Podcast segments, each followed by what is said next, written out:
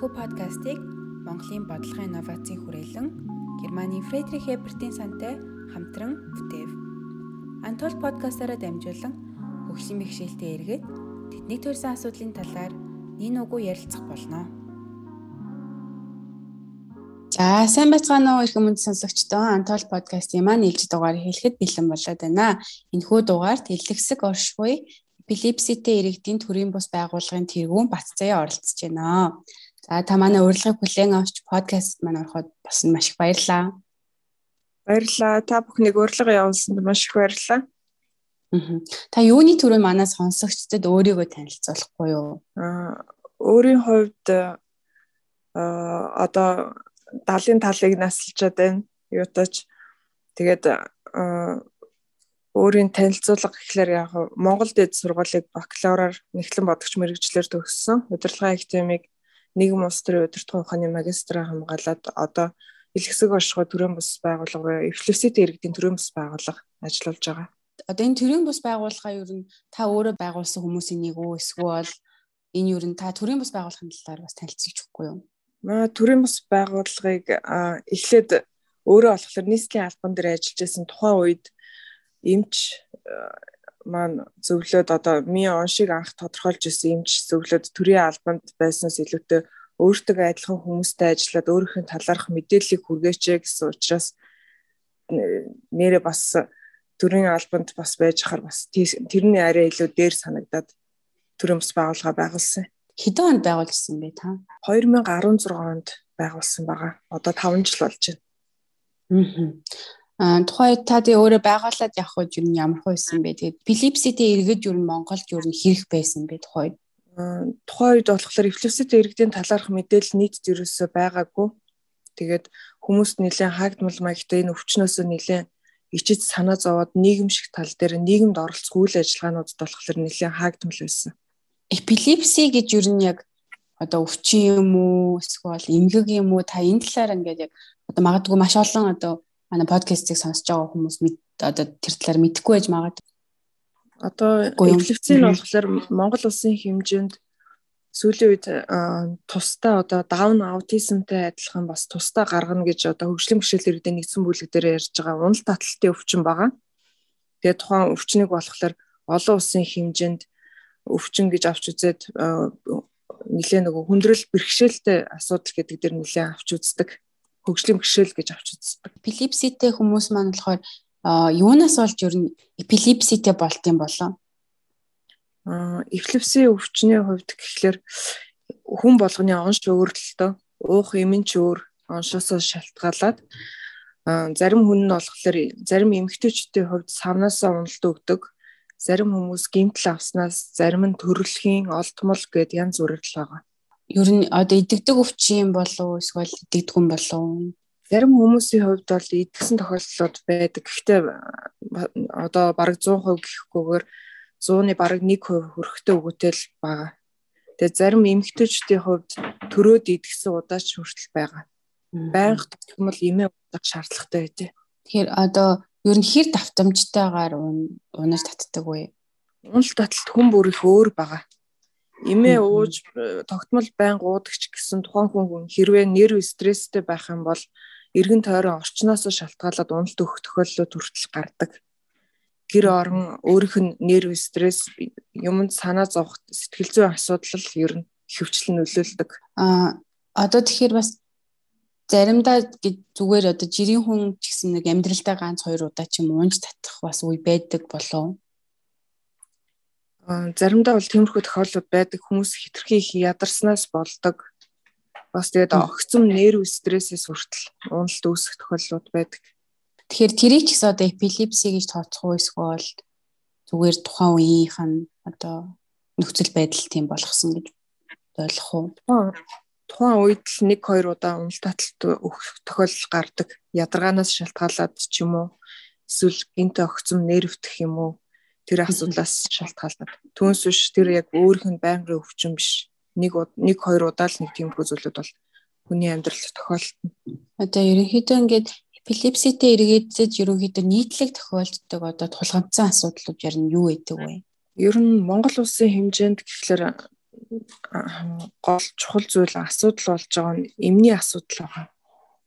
Нийт бараг оюуны бэрхшээлийн хувьд 70 орчим төрөл байдаг. Тэрний нэг нь эпилепси болж явдаг. Тэр эпилепсийн дотроо бас дахиж дотроо задардаг. Тэгээ тэрнээсээ шалтгаалаад унал татвартаа хүртэл янз бүрээр өгөөд уух эмнийхэн тунг нь хүртэл өөрөөр шалтгаалж өөр өөр юм уудаг. Тэгээд им Монгол улсад оруулж ирж болохгүй хориотой байгаад байгаа нь хамгийн гол чухал асуудал болчиход байна. Тэгэхгүй тэр имийг одоо баг нууцаар л ер нь шахуу хилээрээ оруулж ирж тэр өвчтөн хүмүүс хэрглэж байгаа. Яагаад энэ имийг одоо ингээд оруулж ирдэггүй ингээд хуулиар хоригдсон бол зарим им нь болохоор нэг баг зэрэг одоо хориотой им бодисын асуудал орсон байгаа. Тэгээд одоо энэ нэмний асуудлыг оруулаач энэ нэмийг оруулаач яг тухайн хүнд нь хүргэх тоон хэмжээний эмийн хүртэл ямарсан да эрүүл мэндийн яам дээр тавихад энийг зөвхөн эрүүл мэндийн яам юу хариуцахгүй эрүүл мэндийн яам хөдөлмөр нийгэм хамгааллын яам батлан хамгаалахын яам гур харилцан зөвшөлтсөл хийж ээж эм оруулах талын асуудлыг шийдэх болно гэж хамгийн сүүлд туулсан эрүүл мэндийн яамны сайд инх болт сайд хэлсэн байна. Тэгэхээр одоо уг нь эмээ ууж тухайн хүмүүс маань уулна унал таталтаа өхөнж багасаад уг нь тэгж явмаар юм. Тэгэхээр эмийн цаанаас өгөхгүй болохоор чинь бас тэгэхээр чинь одоо тэгэл давтамж нь ойрхон болно гэсэн үг үү те? Тэгнь. Ер нь бол өдөртөө хит хит унах тохиолдлууд хүртэл гардаг. Унал таталт нэлээд хүндрэл өвн. Им ерөөсө баг муухай эрүүл үнтэй харьцуулахад баг бидний хоол гэсэн үг. Тэгэхээр бас хитүү юм а тийм тэгээд энийг тэгээд ерөнхийдөө оншийн болохоор ингээ Монголд сайн одоо онцлоод одоо яг яг ийм ийм яг ийм ийм уух юм байна гэх тэрийг нь сайн оншилдог эмч мэрэгжлийн ажилтнууд хэрэг байдаг вэ? Ер нь Монгол улсын хэмжээнд Монголын нейрологийн хүрээлэн ерөнхийд нь хариуцж ажиллаж байгаа. Тэгээд манай төрийн бус байгууллагын хувьд э, альфа долгооны одоо хувийн эмнэлэг байдаг, мэдрэлийн эмнэлэг. Тэр эмнэлгийн зөвлөх эмчийг одоо маа төрөмс байгуулгын зөвлөх эмч баярмаа эмч маань хийдэг. Тэгээ тухайн үн нь болохоор оншиг тодорхойлоод тухайн үний уух эм бүр тунг нь хүртэл нэг бүрчлэн тодорхойлж өгдөг. Зарим хүмүүсийн онш хүртэл тодорхойлогдохгүй байх тохиолдол гардаг л та. Монгол улсын хэмжээд эпилепситэй эргэж юу хэрэг хэрэг байдаг вэ? Ер нь сүүлийн үед насны тоон буураад хүрээний уламт хилээд байгаа. Одоо 5 жилийн өмнө анх нээж хахад одоо матер альфа долгион имлэг дээр болохоор одоо очиод үзүүлж ярах гэхэд чи өдөртөө хүнгүй байх ч тохиолдол байна 2 3 хүнтэй ч байх тохиолдол байсан. Одоо тэгэхэд гадаа нь бол дүүр оочртой. Ер нь үлгэдэг хүүхдүүдэд тэрвэрэд байцгаа чинь. Тухайн үед болохоор нэг 40 50 орчим насны тиймэрхүү хүмүүс очиж үзүүлж байсан бол одоо бүр хоёр эрүүл хүүхдээс тийм хүүхд төрдөг болчиход байгаа нь гол чухал асуудал болчиход байна. Энэ юу н тийм удам дагд юм уу эсвэл зүгээр төрөхтөөл тийм итгээд өрчт юм уу? Учир шалтгаан нь юунаас гэдэг нь тодорхойлогдсон болов уу? Аха. Энийг одоо өөрөө би эмч биш л дээ. Тэгтээ яг хуу тухайн зүйлүүдийг ажиглалт хийгээд үзэхэд бол унал таталтын хувьд аа ерөөсөө удам бол дамжина гэж байхгүй одоо хоёр эрүүл хүн гэд сэтгэл зүйн нэлээд хүндрэлтэй одоо амьдрах одоо нөгөө нерв стресстэй тий бие биенийхээс зүуд нэлээд нөлөөлдөг тиймэрхүү тохиолдол өвчтөг хүүхэд гарч ийна гэсэн зүйл дээр л одоо ойлгож байна. Ер нь бол сүүлийн үед бол сэтгэл зүйн асуудал нэлээд тогтвортой хит огцон баярлахгүй хит огцон нервтэхгүйд нь өөрөө ч гэсэн өвчнөө хянаад эхлүүл тухайн хүн уналтаа хүртэл хянаад эхэлнэ. Тэгж хянах боломжтой байдаг хүмүүс ер нь хэрэг байдаг вэ? Тийм, ер нь бол нийгэм лөө нээлттэй орхол хэрэгтэй. Тэр өвчин туслаа гэд нөгөө хүн нь болохоор нийгмээс өөрийгөө хязгаарлалцдаг, ганцаардмал байдалтай болоод тэр нь сэтгэл зүйн хүртэл тийм болоод ирэхлээр нэлээ өөрт нь хүндрэл үүсээд өвчин улам бүр хүндрээд эхэлнэ. Тийм болохоор ямар санд одоо төрөмс байгууллага байгуулах зорилго маань болохоор тухайн хүмүүсүүдийг энэ өвчнөөсөө бүр салахгүй маа гэхэд ядахна уналтын тоон хүртэл багасаасаа гэсэн талаасаа илүүтэй хандаад тухайн өвчнийг өөрөө хянж бариач нийгэмдээ нээлттэй оролцооч гэдэг ялангуяа э, дүүргийнхаа залуучдын хөгжлийн төвийн дэмжигч байгууллагаар ажилладаг байсан. Тэгээд тухайн үед э, ийм өвчтөе залуучуудыгаа нийгэмшүүлэхийн тулд улсын хэмжээнд их залуучуудын үйл ажиллагаа, залуучуудын чуулган үйл ажиллагаануудад нээлттэй оролцуулж исэн. Түүнээс хамаарат одоо тухайн үедээ 5-аас өдөрт 5-аас 10 удаа ундаг байсан хүмүүс маань ихэд нэг нь ихээ сүүлийн жил гаруй унаагүй, нэг нь түрүү жил гэхэд 6 удаа унсан гэх жишээ тэгэр тоо нь бол харьцангуй багасаад ирж байгаа. Ер нь тэгээд ингээд нийгэм шиг асуудал бас айгүй чухал юм байна тийм тэгээд тий тухайн хүний гэр бүлийнх нь хүмүүс хамгийн гол нь ойр байгаа тэр хүмүүс л тухайн өвчнийг ойлгох хэрэгтэй. Ялангуяа залуу эцэг эхчүүд энэ тал дээр бүр илүүтэй анхаараасаа л гэж бодож байгаа. Тэгээд тухайн хүүхдээ болохоор яах вэ гэж зөвхөн имээр тэр хүүхдийг э, дараад авах биш өөртөө тэр хүнтэйгээ зөв харилцаад тухайн хүнийг учиргүй нөгөө иви иви гэж бүх юмыг хэлж өгөөд хийж өгөөд байх биш тухайн хүнийг бие даад сурахад нь хүртэл бас дэмжлэг болоод аль алиндаа л нээлттэй харилцчихвэл илүү дээр байдаг. Түүнд орхно хаагдмал байдалтай тухайн хүн одоо насан турсан хүн жишээ нь өрөөндөө ороод хаалгаагаал таг болчвол тэр хүн мэдээж бүр уналт нь нэлээд хаагдмал болоод ирнэ. Уналт нь улам бүр ихсээд хэрэг эхэлнэ. Танисаа ярьжсэн нөгөө альфа долгион гэдэг имлэг гэж ярьсан тий. Тэр тэр имлэг ер нь хизээ байгуулагдсан бэ? За би болохоор өөрийн оншоо 2006 онд 2009 онд байна уу? тодорхойлсон байгаа. Тэгээд ерөөсө тэр хүртэл энэ тентхийн имлэг рүү нэлээ олон удаа явсан сонгодоо шасны 3 тэгэл нэгдүгээр имлэг төмөр замын имлэг имлгүүдээр зөндөө явсан ч гэсэн энэ ерөөсө юу яагаагүй онш тодорхойлогдоогүй зүгээр өөрөө ирүүл байна л гэж гарч ирсэн. Тэгээд та тэр имлэг дээр альфа долгион дээр очиж яг оншоо тодорхойлуулсан юм тий. Тий. Эсвэл одоо нөгөө нэг юм байт юм болов тэр имлэг бас ингээд нээгдээд тэгснээр ингээд олон хүмүүс онцлогдоод эпилепситэй хүмүүсийг одоо ингээд байдсан байна гэж оншилсан юм уу эсвэл угаасаа ингээд байдаг тэхээс хэрнээ хүмүүс эсвэл жоохон нуугддаг ч юм уу тиймэрхүү байсан юм болов эмчийн хувьд болохоор эмнэлгээ нэгээд энэ талаараа өөрөө судлаад бүр нээлттэй суралцаад мэрэгжил ахиулаад суралцсан улсын хэмжээнд бол ер нь нэгтгэж явдаг эмч байдаг. Тэгээд тухайн хүн энэ өвчнийхөө талаарх мэдээллүүдийг хүмүүст хүргэх гээд ямар ч зөндөө тэр эмний талаарх асуудлыг хүртэл яамдууд дээр хүртэл санал тавиад хүсэл тавиад яхад ерөөсөө Монгол улсын хэмжээнд ер нь ихэр баргийн хүмүүс авч хилцэхгүй байгаа даа. Бүр неврологийн хүрээлэнгээс хүртэл нийлж байгаад эмч нар хүртэл сэлэнгээ эмч байна, үрийн туяа эмч байна. Тэр бүгдээр нь нийлээд эм оруулж ирэх талаар асуудал тавьсан чи ерөөсөө эрүүл мэндийн яам бол ерөөсөө хүлэн зөвшөөрөхгүй байгаа даа. Тэгээд эмнээс гадна бас өөр өөр ямар одоо яг эпилепстэй иргэдэд тулгарч байгаа асуудлууд яг юу байгаа бэ таны бодлоор? Ер нь л хамгийн чухал зүйл сэтгэл зүйл байгаад байна хүн сэтгэл зүгээр тайван байгаад эмээ байн гууж явал тухайн хүний уналт нь багасаад гэхдээ ерөөсө уналт багасаад байна гэд хүн өөрийгөө эдгэрчлээ гэж бодоод одоо 2 жил шахуу ерөөсө унаагүй гэд нэмээ орхичихсан хүн байна. Тэгэхэд чи нөгөө нь буцаад уналтаа өгöd эхэлж байна. Тэгэхээр бас энэ тал дээр бас нэлээ урт хугацаатай л эмээ уух шаардлагатай байгаад байна. Ойролцоогоор ер нь урт хугацаатай гэхээр ер нь хэдэн жилийн хугацаанд уух уувал яг болдог вэ? Өөрийн хувьд болохоор одоо уугаад бараг нэлээд хэдэн жил болцсон. Тэгээд уналт бол 2006 оноос эхэлж өгч эхэлсэн. Тэгээд оншоо тодорхойлуулаад тэгээд 2009 оноос хойш гэхэлэр бараг 13 4 жил ууж ийн гэсэн үг. 16 он та анх анги оншид тодорхойлж үлж яхад тухайн үед ямар ямар нэгэн ямар үйл явдал болоо таны сэтгэл зүйд нөлөөллөө гэсэн бэ? Аа бүр нөгөө 2006 онд уналд өгöd эхэлсэн. Тэгээд тухайн үед болохоор гимтэл аваад жирэмсэн байсан гимтэл аваад тэрнээс болоод уналд өгöd эхэлсэн. Тэгээд оншоо тодорхойлж чадахгүй явж байгаа л ямар ч байсан энэ альфа долгион гэсэн имлэгтэй очиж үзүүлээд ямар ч үсэн оншоо тодорхойлуулж ирсэн. Одоо тэгээд 15 жил болж байна гэсэн үг нь л төгөөд. Одоо ингээд жишээлх юм бол миний эргэн тойрон ч юм уу одоо эпилепсивтэй хүн байлаа гэхэд би одоо анх одоо ямар одоо тухайн хүнд тусламж үзүүлэх хэрэгтэй вэ? Эрүүл мэндийн тусламж үзүүлэх хэрэгтэй вэ? Эсвэл хажууд ингээ хүн ингээд уналт таталт өгөөд хахад би юу нь яг яах хэрэгтэй вэ? Та тэн дээр зөвлөх өгөхгүй юу?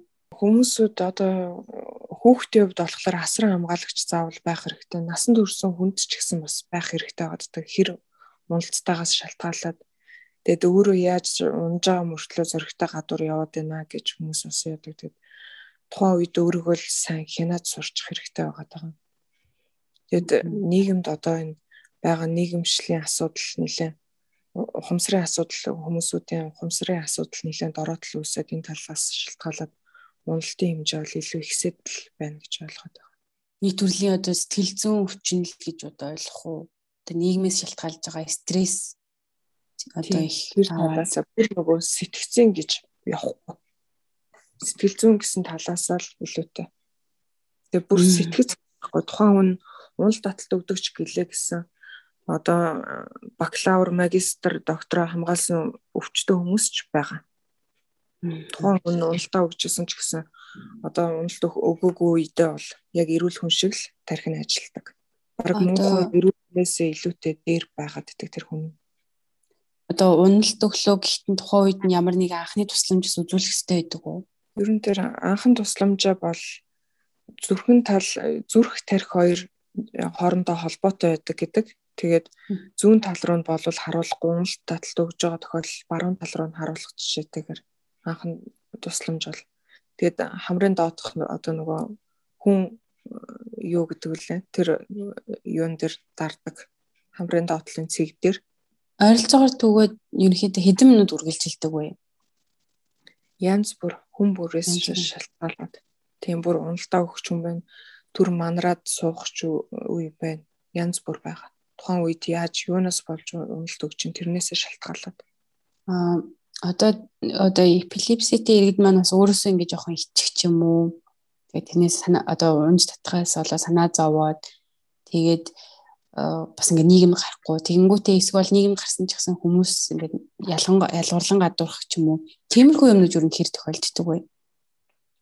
Ер нь тиймэрхүү зүйлүүд бол нэлээд их байгаа. Ялгуурлал бол одоо тухайн хүн ийм өвчтэй гэдгээ хэлэх юм бол ерөөсө ажилд авч байгаа төрийн болон төрийн бус одоо тэр бизнесийн байгууллагууд ерөөсө огт ажилд авахгүй байна. Энэ тухайн хүн уннаа энэ уналтыг нь бид нар яахаа мэдэхгүйгээд ерөөсө энэ хүн дээр тэгж ажилд авахгүй гэж хагаад тухайн хүн нь болохоор бас яг хөө зарим ганц нэг л хүмүүсүүдийг бол ажиллаар авчин. Түүнээс биш учиргүй нөгөө ажилд бас хамруулах байгаад байгаа гол асуудал болчиход түүнээс биш нийгэмд одоо энэ тухайн хүнийг ойлгоод ажлыг хийлгээд явал хамт олон найз нөхдөдтэй байж ш тухайн хүн илүүтэй уналт нь багасаад эхэлнэ.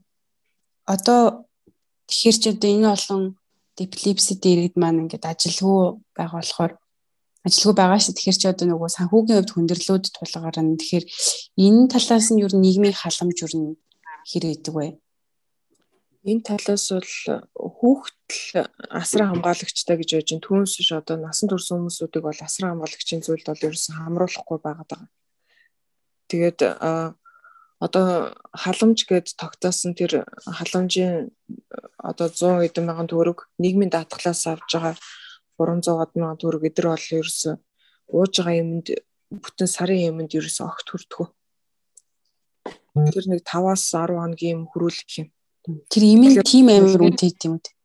Тийм. Тэгээ ялангуяа гадаадаас хөвчлэн нийт баг судалгаа хийгээд одоо гişүүдээ гээд яхад чинь 600 шам гişүүдтэй байна тэр хүмүүсүүдийн бүгднгийнх нь судалгааг нь аваад үзэхэд ууж байгаа имнийг төрлөхэд 30 гаруй төрөл байгаа тэр төрлүүдээс Монгол Улсын хэмжээнд оруулж ирж байгаа нэг 7 8 төрлөл байгаа. Түүнээс хоёр нь л хөнгөлөлттэй. Бусд нь бол дэндүү үнэтэй тэгээд гадаадаас их хөвчлэн хүмүүс нэмээ авч байгаа тэр юмнууд нь болохоор үнэхээр баг нууцаар хуу оруулж ирж байгаа. Тэгээд үнэ нь бол нэлээд өндөр. Тэгэхээр гэр бүлийнх нь хувьд бол нэлээд хүндрэл үүсэж байгаа. Тэгэхээр одоо тийм эмээ авах одоо боломжгүй бол тэгэл унаал явна гэсэн үг шүү дээ тий. Тийм амир үнэтэй юм. Харин уналт нь улам бүр ихсэл тухайн хүн амиа алдах тохиолдол ч гэсэн бас гарч ирсэн удаатай давтамж нь ихс хэрэг гэсэн үг шүү дээ тий. Тий. Тэгээд одоо ерөнхийдөө эпилепсиг болохоор ерөнхийдөө хөгжлийн бэрхшээлт яг ингэж оруулсан байгаа юу одоо Монгол улсын хуулийн одоо хөгжлийн бэрхшээлтэй гэдэг тухай хууль байгаа шүү дээ тий. Хэрэнд яг энэ эпилепсиг оруулсан байгаа юу оруулах оруулаг байгаа юу? эпилепсиг уг нь оруулсан байгаа. G40 гэсэн кодтойгоор явдаг. Яг аль төрөлд нь ордог вэ? Оюуны бэрхшээл гэдэгт нь ордог уу? Тийм, оюуны бэрхшээл гэдэг хуучин болохоор сэтгцэн гэж явдаг байсан. Энэ нэрээ өөрчлөөч хүмүүст сэтгэл зүгээр нөлөөлөд байна штэ гэд. Одоо даунч тэр аутизмч тэр тэр юунууд та бүгднийг нь оруулж явж байсан. Тэгээд даун тусдаа гарсан, аутизм тусдаа гарсан. А одоо хөгжлийн бэрхшээл иргэдийн форум болон шүхүр гэд хоёр байгууллага байгаа улсын хэмжээнд. Тэгээд тухайн хүмүүс одоо энэ эвлэгсийг бас тусдаа гаргана гэж форумынхаа үг нь хэлсэн байгаа удирдлагууд нь. Тусдаа бие даасан л одоо том төрөл болж одоо том одоо өвчин болж таарч ин шүү дээ тийм. Тэгэхээр энэ талаар ерөнхийдөө одоо ингээд Монголд ер нь эпилепсиг одоо зөвөр хүмүүст ойлгуулж ингээд нийгэмд ингээд энэ хүмүүсийн талаар хандлагыг ингээд жоохон өөрчлөх ч юм уу тиймэрхүү зүйлүүд ер нь хийх болтойгүй. Олон улсын хэмжээний нийл ягаан өдөр болдог. Тэгээд тухайн өдрөө Монголын нейрологийн хүрээлэн нийл ягаан өдрийн үйл ажиллагааг бас хамтран зохион байгуулцгаадаг. Тэгээд сүүлийн үед бол харсангүй илүү нээлттэй явагдаж байгаа. Одоо хуучин залуучдын хөгжлийн төв дээр байхад жишээ дүүргийнхаа 8 сургууль дээр нийл ягаа өдрөө одоо төлөөллүүдээс нь оролцуулаад энэ өвчин ямар өвчин байдаг вэ гэдгийг ерөнхий боловсролын сургуулиудад тайлбар хийсэн байгаа.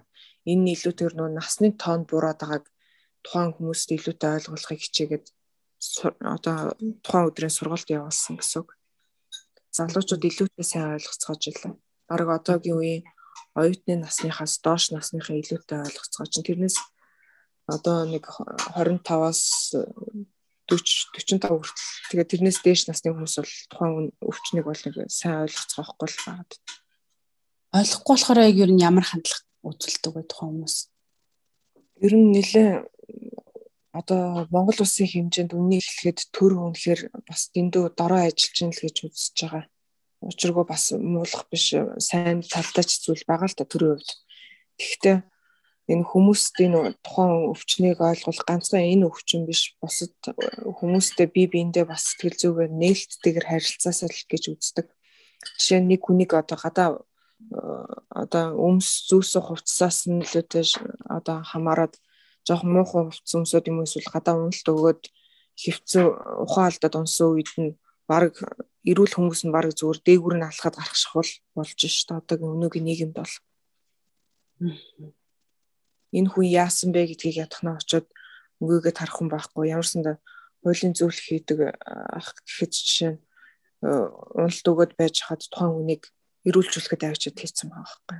Тэгэхээр дэндүү хүндрэлтэй байгаа. Ялангуяа эрүүл хүмүүс энэ талын өвчнийг илүүтэй зөвөр ойлгоосой. Тэгээд одоо согтуу байсан ч одоо тухайн хүн ямар нэгэн шалтгаантай өвчний шалтгаанаас бодлоод одоо ухаалдж унсан гадаа ямар нэгэн байдалтайгаар уналт өгж ирсэн тэр тохиолдлуудад бол анхан тусламж үзүүлж байгаасаа л гэж үнэхээр хүсэж байна. Тэгэхээр одоо ерөнхийдөө нийгмийн хандлага, нийгмийн хандлагаас гадна ойлголт ер нь ойлголт мэдлэг л баг байна гэсэн үг үү тий? Тий. Ялангуяа олон улс юу төрийн хэмжээний төрийн байгууллагууд цагдаагийн ерхий газар ч байна тий. Тиймэрхүү газрууд бол энэ тал дээр бол илүү нээлттэй байгаасаа гэдэг.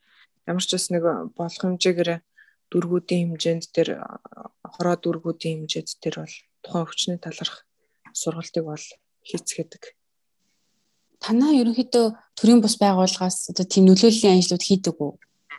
Ер нь бол хийдэг нээлттэйгээр тэгээд э, групп уг нөгөө паблик нээлттэй байсан. Тэгээд хамаагүй хүмүүс ороод нөгөө зар тавиад тэгээд э, илүү нээлттэй үл одоо өөрсдийнхөө талаарх мэдээлэл өгч орохгүй болохоор нөгөө паблик байснаа приват болгоод э, хийчихсэн байгаа. Тэгээд яг зөвхөн нөгөө гişүүн хүмүүстэй үйлчлэнгээд аа тэгээд хүүхдтэй эцэг эхчүүдийн холбооч байна.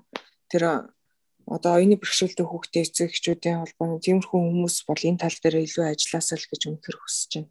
Насны тоон хүрээ э, одоо үнэхэр доошоо буугаад ерөнхий боловсролын сургуультай тухайн хүүхдийг жишээ нь багаас нь эхлээд ялгуурлал үзүүлэхгүйгээр нэг ангид сухтаа суулгах чавал илүүтэй тэр хүүхэд бусдаас одоо нөгөө ангийнх нь хүүхдүүдэд тухайн өвчнийг ойлгуулад энэ хүүхдэд бас ингэж та нар тусалж байгаараа гэд бас сэтгэл зүйн дэм болоод явал нөгөө хүүхд илүүтэй хөгжөөд ирнэ.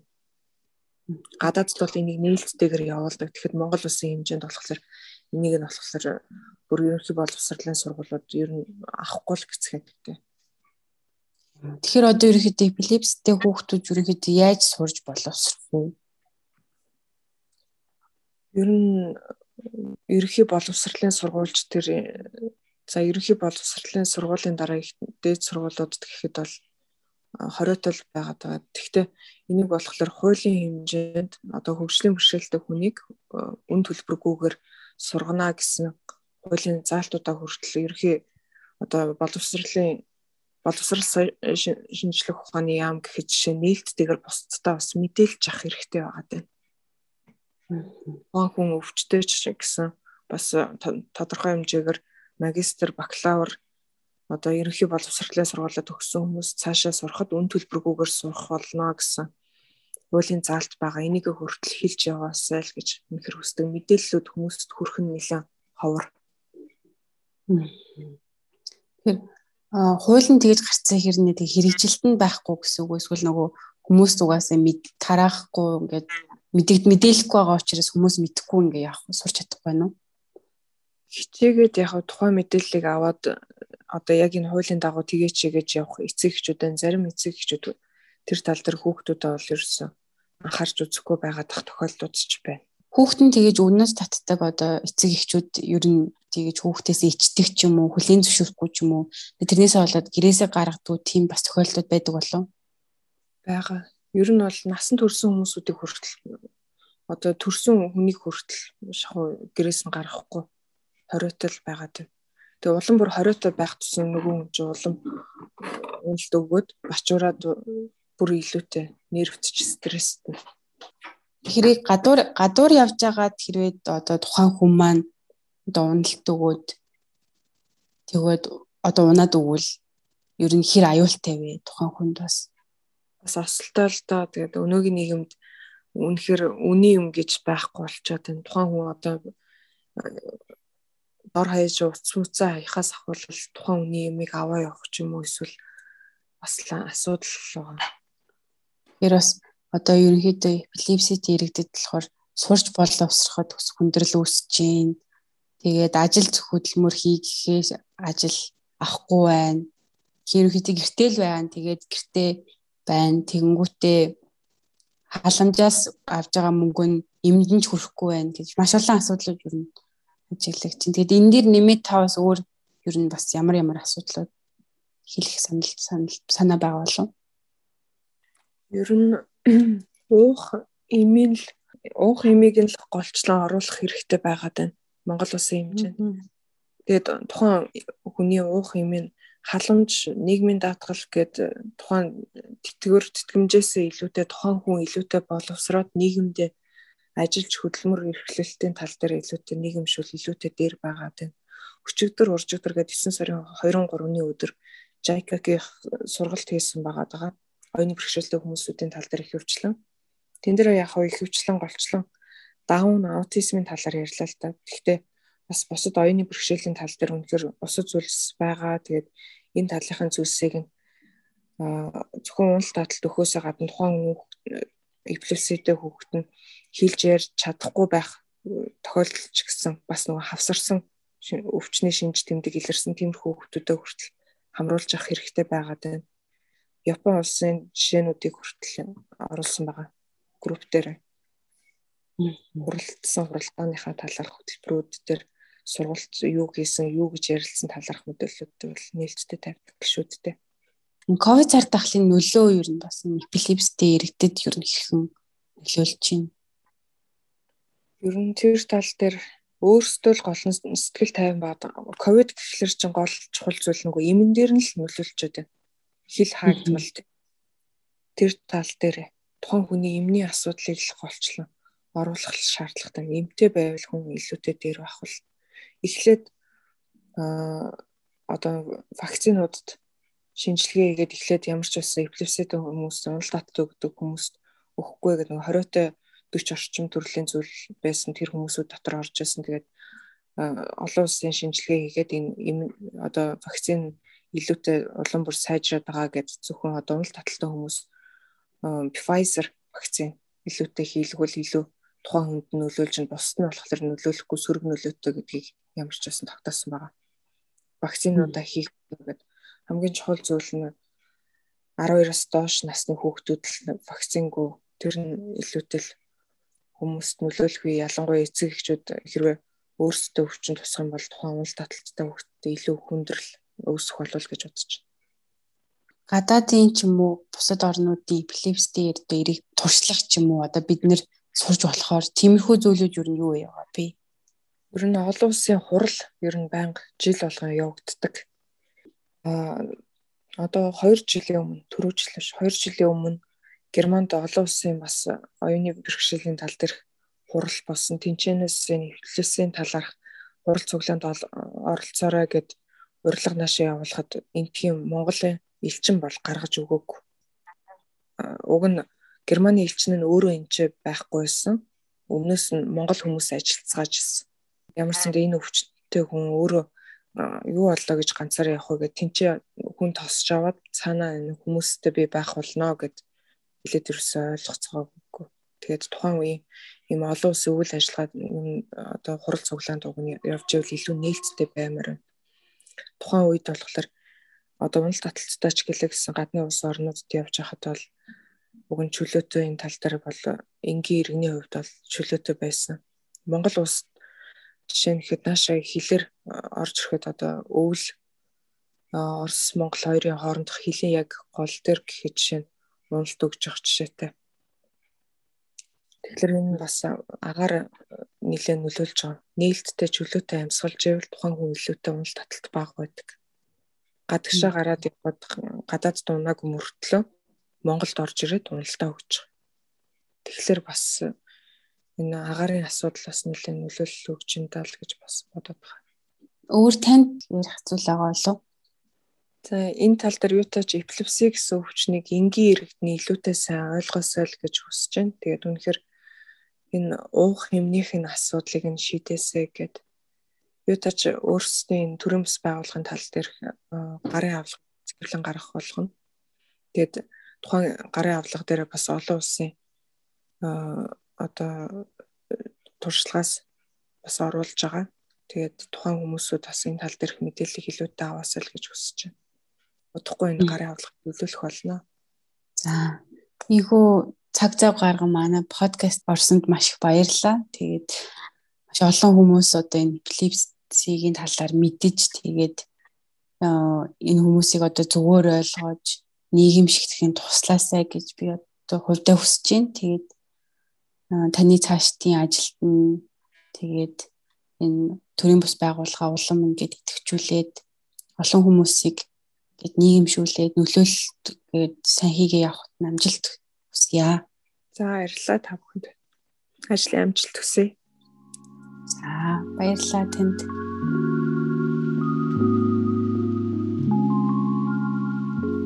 Хэрвээ танд подкастын маань энэхүү дугаар таалагдсан бол илүү олон хүнд түгээхээ битгий мартаарай. Мөн subscribe тавьчиг дарснаар та шин дугааруудыг маань цаг алдалгүй сонсох боломжтой болно шүү.